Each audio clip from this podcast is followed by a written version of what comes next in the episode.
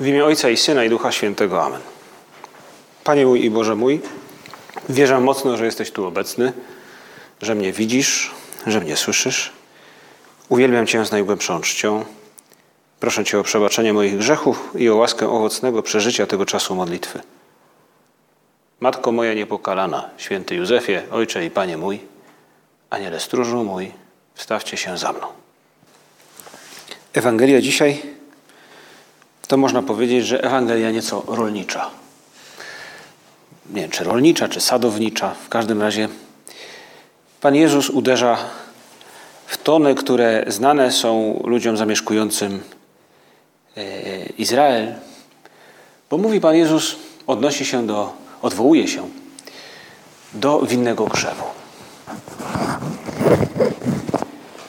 Mówi o sobie w ten sposób. Ja jestem prawdziwym krzewem winnym, a ojciec mój jest tym, który go uprawia. Każdą latorośl, która we mnie nie przynosi owocu, odcina, a każdą, która przynosi owoc, oczyszcza, aby przynosiła owoc obfitszy. Wy już jesteście czyści dzięki słowu, które wypowiedziałem do was. Trwajcie we mnie, a ja w was będę trwać. Podobnie jak latorośl nie może przynosić owocu sama z siebie, jeśli nie trwa w winnym krzewie, tak samo i wy, jeżeli we mnie trwać nie będziecie. Ja jestem krzewem winnym, wy latoroślami. Kto trwa we mnie, a ja w nim, ten przynosi owoc obfity, ponieważ beze mnie nic nie możecie uczynić.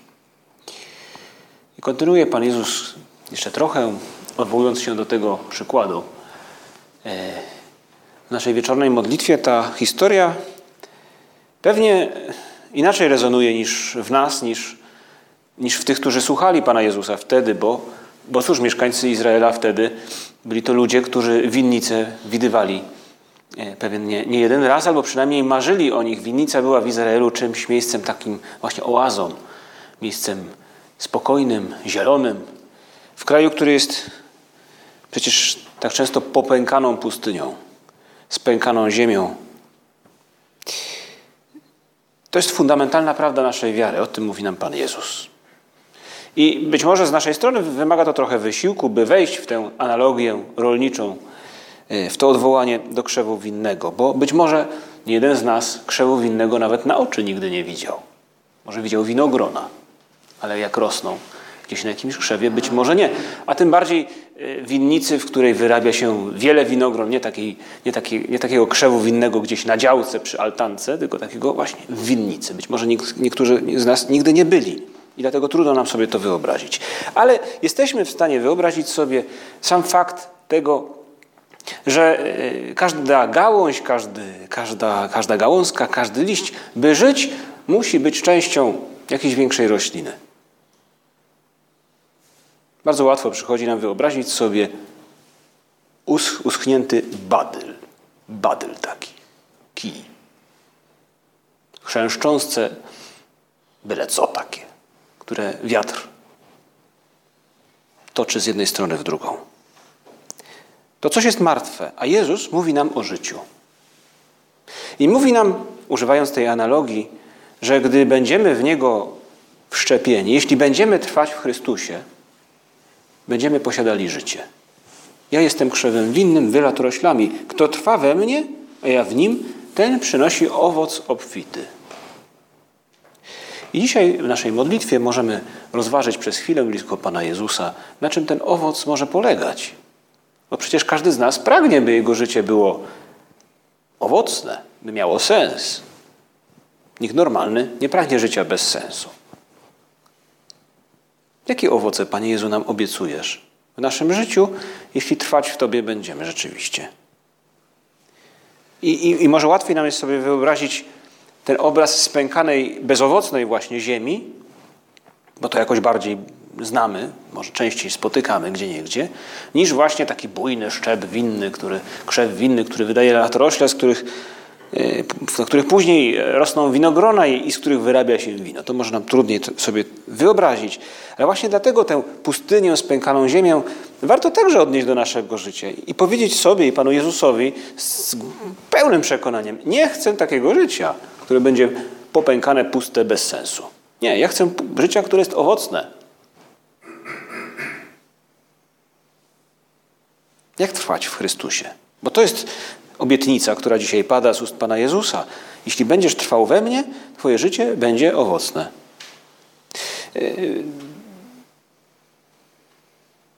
Nie będziemy może tego w szczegółach rozważać, ale można powiedzieć, że wiadomo, jak trwać w Chrystusie. Uczy się nas tego od dziecka. Można powiedzieć, że to jest przekaz wiary, który od dwóch tysięcy lat e, chrześcijanie z pokolenia na pokolenia sobie przekazują w Kościele. Jak trwać w Chrystusie, spotykać Go w modlitwie i w sakramentach.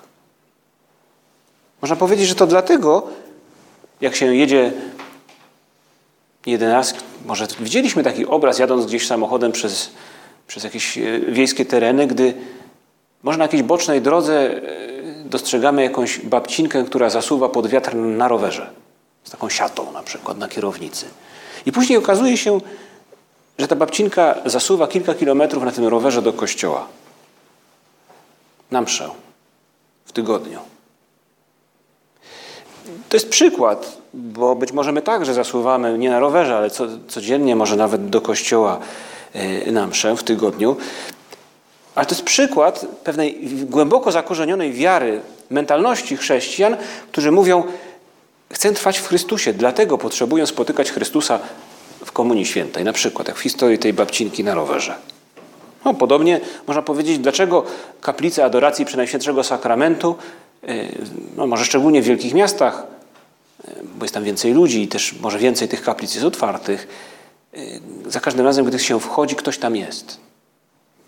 To jest też znak pewnej, pewnego pragnienia i wiary, także przekonania, że kontakt z Chrystusem w Eucharystii jest właśnie jest trwaniem w nim. Ale my dzisiaj może mniej niż jak zastanowić się możemy dlaczego. Dlaczego? Jaki jest ten owoc, który Ty, Panie Jezu, nam obiecujesz? Po co trwać w Tobie? Jakie są te Twoje obietnice? Na czym polega to przynieść owoc obfity?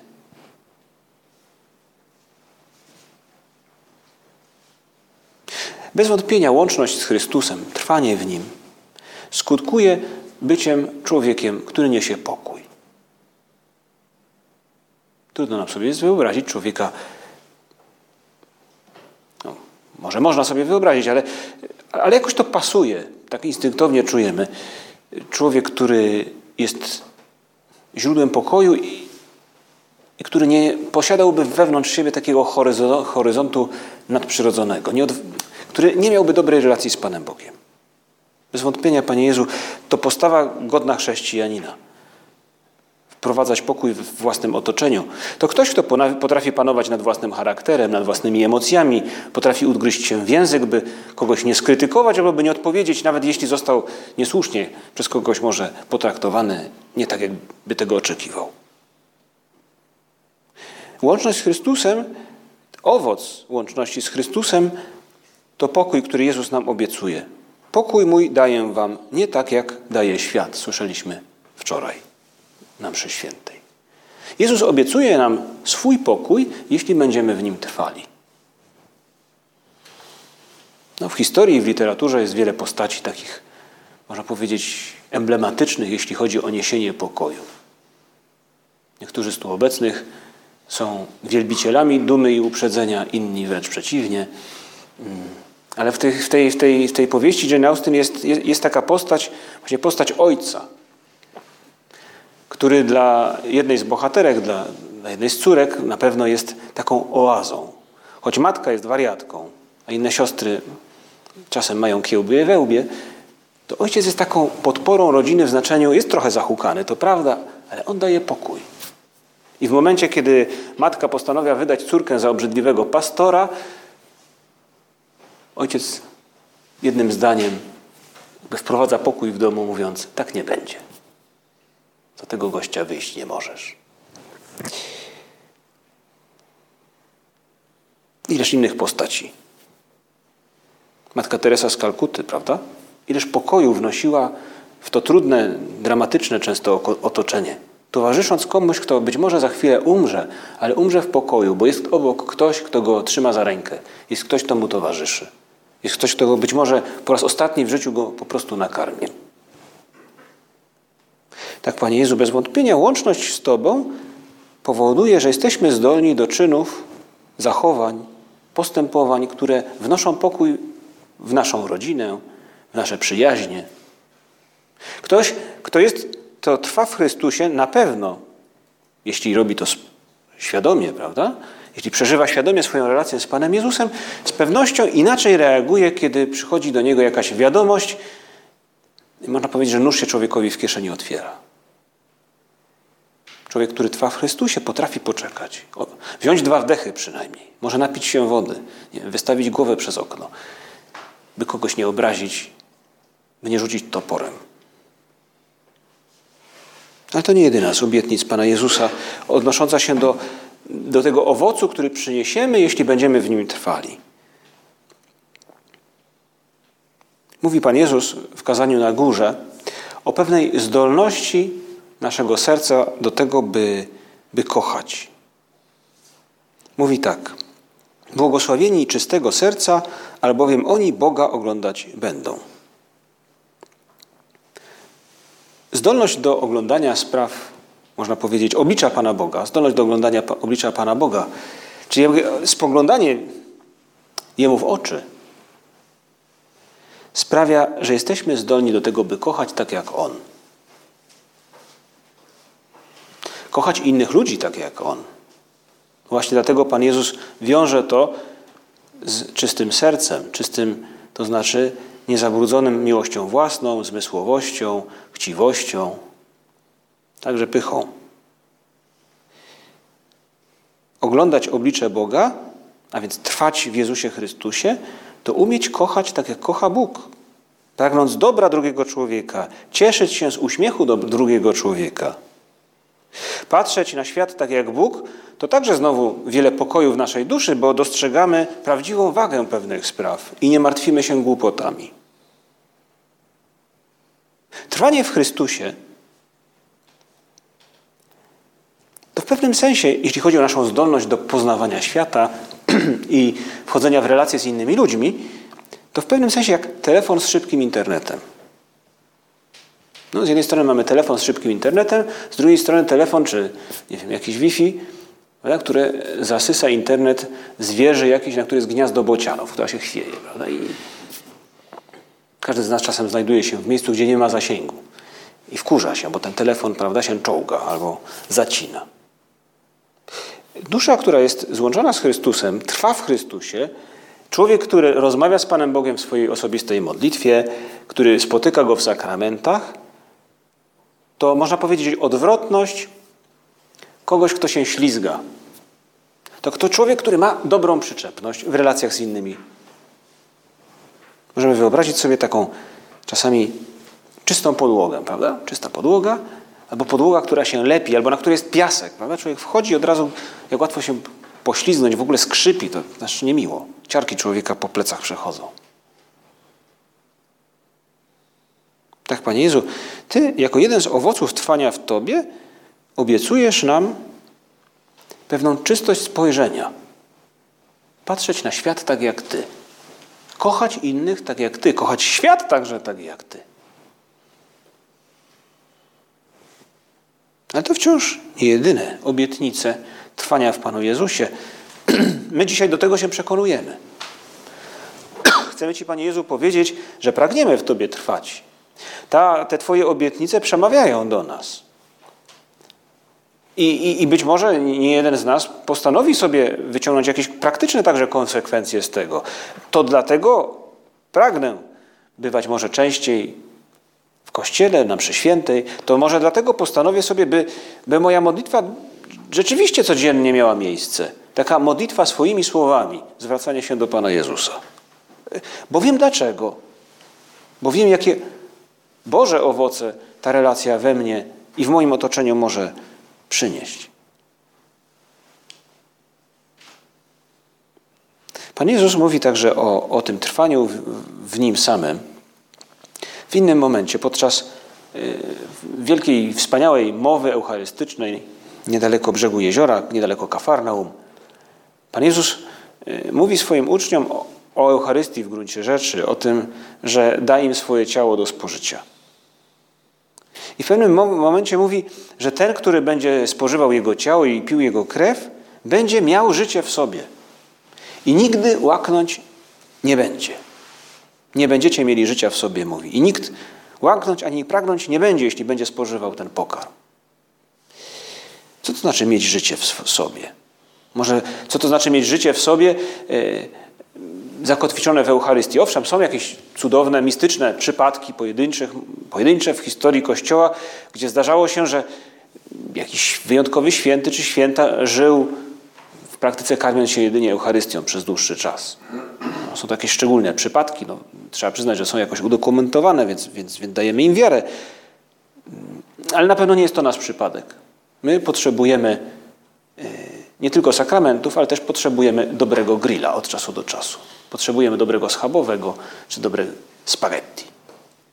Więc to nie o takie życie fizjologiczne na pewno chodzi Jezusowi Chrystusowi, gdy mówi, że będziemy mieć życie w sobie. Nie będziemy autonomicznym samochodem, który sam prawda, się czerpie energię nie wiadomo skąd i się porusza. Nie. Jezus Chrystus mówi, kiedy mówi o, o tym, że będziemy mieli życie w sobie, mówi nam o tym, że będziemy mieli w sobie siły do tego, by mierzyć się z trudną pracą, by mierzyć się z napięciem przed trudnym egzaminem, by stawić czoła niepewności finansowej w pewnym momencie może naszego życia. Albo, kto wie, nie jeden z tu obecnych pewnie e, będzie miał siły do tego, by wstawać nocą do dzieci, które płaczą. Mieć życie w sobie to właśnie to. Posiadać w sobie motywację, energię. Czasem nie ludzką tylko, ale właśnie tę nadprzyrodzoną, by zrobić coś dobrego. By przeżyć jakiś trudny czas. Bo Jezus, gdy przychodzi do nas właśnie jako pokarm duchowy w Eucharystii, wzmacnia naszą wolę, daje światło naszemu rozumowi, byśmy chcieli bardziej i rozumieli lepiej. E, przychodzi do nas po to, żeby nam było łatwiej. By, I w ten sposób wlewa w nas siły, których wcześniej nie było. Dlatego pierwsi chrześcijanie mówili sine domenica non possumus. Nie, nie, nie damy rady bez, bez, bez niedzieli, bez niedzielnej mszy świętej. Nie możecie nam tego zabronić. Można powiedzieć, że w tym kontekście przynieść owoc obfity, znaczy przynosi owoc obfity ten, który jest włączony w Jezusa Chrystusa, który trwa w Nim, to także ktoś, kto ma siły do tego, by być dobrym pracownikiem, by być dobrym ojcem, mężem, przyjacielem, synem.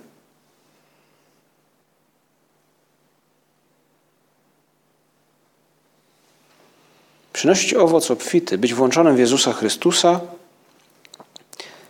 to także umieć żyć nieco inaczej. Pan Jezus mówi tak. Kto straci swe życie z mego powodu, znajdzie je. Niewątpliwie oznacza to przestać żyć w jakiś sposób, by zacząć żyć w inny sposób.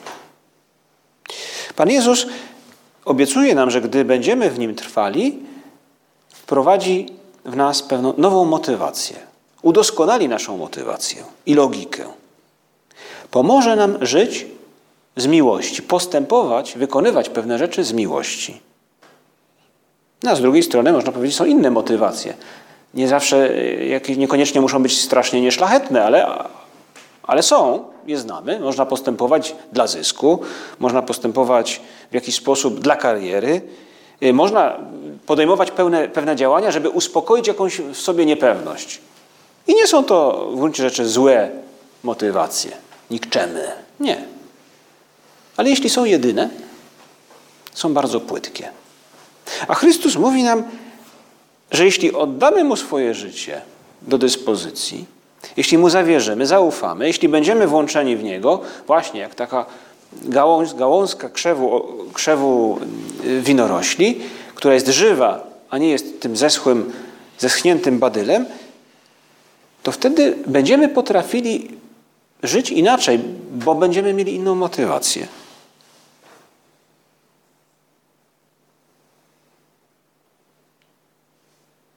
Jedna z, ze, ze sławnych osób, czasu do czasu pojawiają się takie osoby, też są znane prawda, w historii, sławne osoby, które się jakoś nawróciły. I, I wiele z nich mówi właśnie o tym, nowym życiu, które w, nie zosta- w te osoby zostało wlane. Mówią, już nie szarpię się i nie miotam po omacku. Znam wieczny sens mojego życia. To jest to, co mnie motywuje.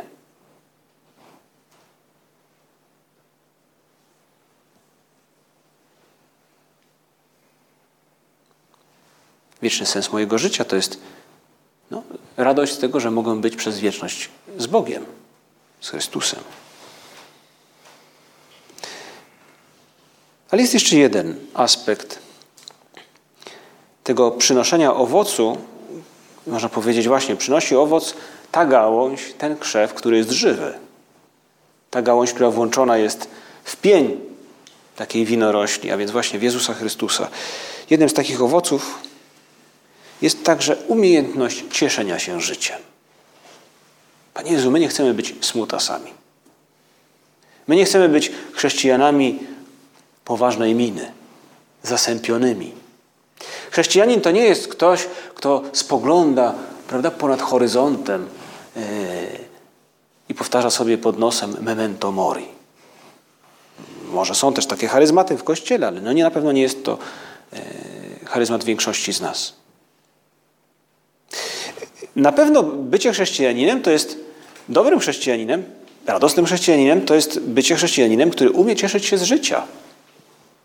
I Jezus Chrystus mówi nam o tym, że będąc włączonym w Niego, trwając w Nim poprzez modlitwę i sakramenty, będziemy potrafili cieszyć się tym życiem, odnosząc je do pewnego szczęścia, które będzie kiedyś w niebie.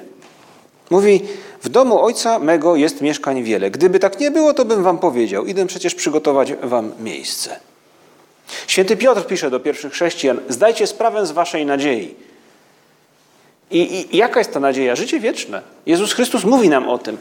Jeśli będziesz włączony we mnie, czeka cię życie wieczne. A jakie jest to życie wieczne?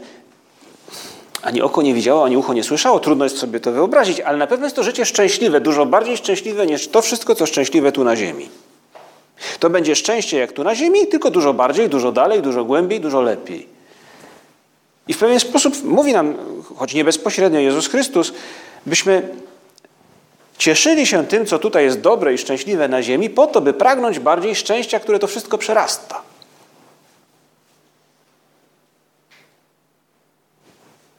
Czemu miałbym się nie cieszyć tym, co jest dobre i szczęśliwe? Czemu miałbym myśleć, że nie wpisuje się w plany Boże y, to, że siedzę sobie na trawie, popijam, nie wiem, kawę albo lemoniadę albo co innego i świeci słoneczko. Jest mi dobrze. Prawda? Bo jestem z przyjaciółmi, bo jestem sam i po prostu właśnie chilluję gdzieś tutaj na polach mokotowskich albo gdzie indziej, nad Wisłą. Dlaczego nie miałbym, dlaczego miałbym pomyśleć, że nie wpisuje się jakoś dziwnie w, w plany Pana Boga, to by obdarzyć mnie szczęściem zdanego cudem egzaminu? Dlaczego nie miałbym być koneserem codziennych, drobnych chwil szczęścia, które które mnie spotykają. Przecież to właśnie dary Pana Boga, po to bym je docenił, bym się nimi cieszył i bym zrozumiał, że w niebie czeka mnie jeszcze więcej. To, to Pan Bóg daje nam pewną miarę szczęścia tu na ziemi, byśmy potrafili pragnąć nieba. I to jest właśnie owoc, to świadome pragnienie nieba, jest to owoc, to jest owoc trwania w Chrystusie. Razem z umiejętnością cieszenia się, no na przykład dobrym ciastkiem, fajną rozmową, spotkaniem, przyjaźnią, miłością, dobrą książką. Można powiedzieć, że życie wieczne mówi do nas tym językiem, właśnie tym językiem dobra, szczęścia. Panie Jezu, to po to chcemy trwać w Tobie. By to trwanie w Tobie przyniosło w nas owoc obfity. Owoc obfity w postaci życia, które jest bardziej szczęśliwe, w którym jest więcej sensu, życia, w którym jest więcej pokoju, którym możemy też, także dzielić się z innymi, życia, którym przemieniamy świat na lepsze. Prośmy na koniec Najświętszą Maryję Pannę, by pomogła nam świadomie korzystać z modlitwy i sakramentów, po to byśmy żyjąc, trwając w Chrystusie, mieli w sobie życie, nowe życie. To życie, które On nam obiecuje. To życie, które jest tak naprawdę siłą do owocnego i szczęśliwego przeżywania przez nas każdego dnia. Dzięki Ci składam, Boże mój, za dobre postanowienia, uczucia i natchnienia, którymi obdarzyłeś mnie podczas tych rozważań. Proszę Cię o pomoc w ich urzeczywistnieniu. Matko moja niepokalana, święty Józefie, Ojcze i Panie mój, aniele stróżu mój, wstawcie się za mną.